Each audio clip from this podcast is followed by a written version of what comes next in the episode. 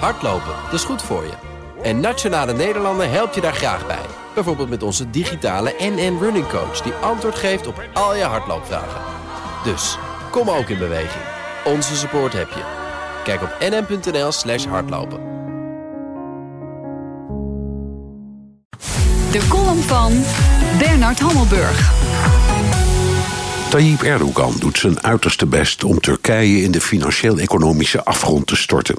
Maar als gekozen dictator, zo iemand noemen we vergoelijkend autocraat, zal het hem zelf niet deren, want hij is schathemelrijk.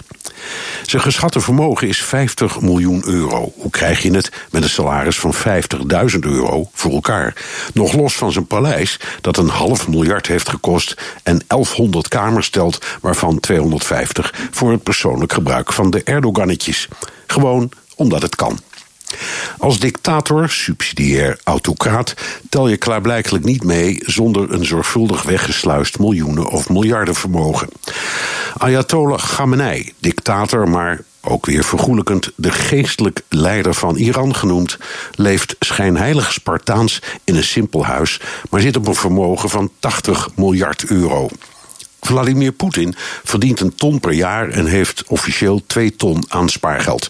Maar volgens een getuigenis voor de Amerikaanse Senaat van zijn aardsvijand en voormalig mega-investeerder in Rusland, Bill Browder, heeft Vladimir daarnaast een appeltje voor de dorst van 170 miljard euro weggesluist. Over Kim Jong-un lopen de schattingen uiteen van 2 tot 9 miljard. Allemaal patsers aan de top, zo gezegd.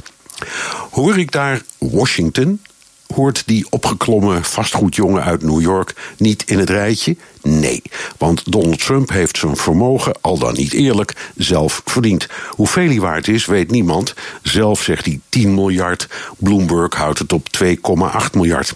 En er afval genoeg om de eindjes aan elkaar te knopen. Sterker nog, hij geeft zijn salaris van 400.000 dollar aan het goede doel op 1 dollar na, want de president mag formeel niet voor niets werken.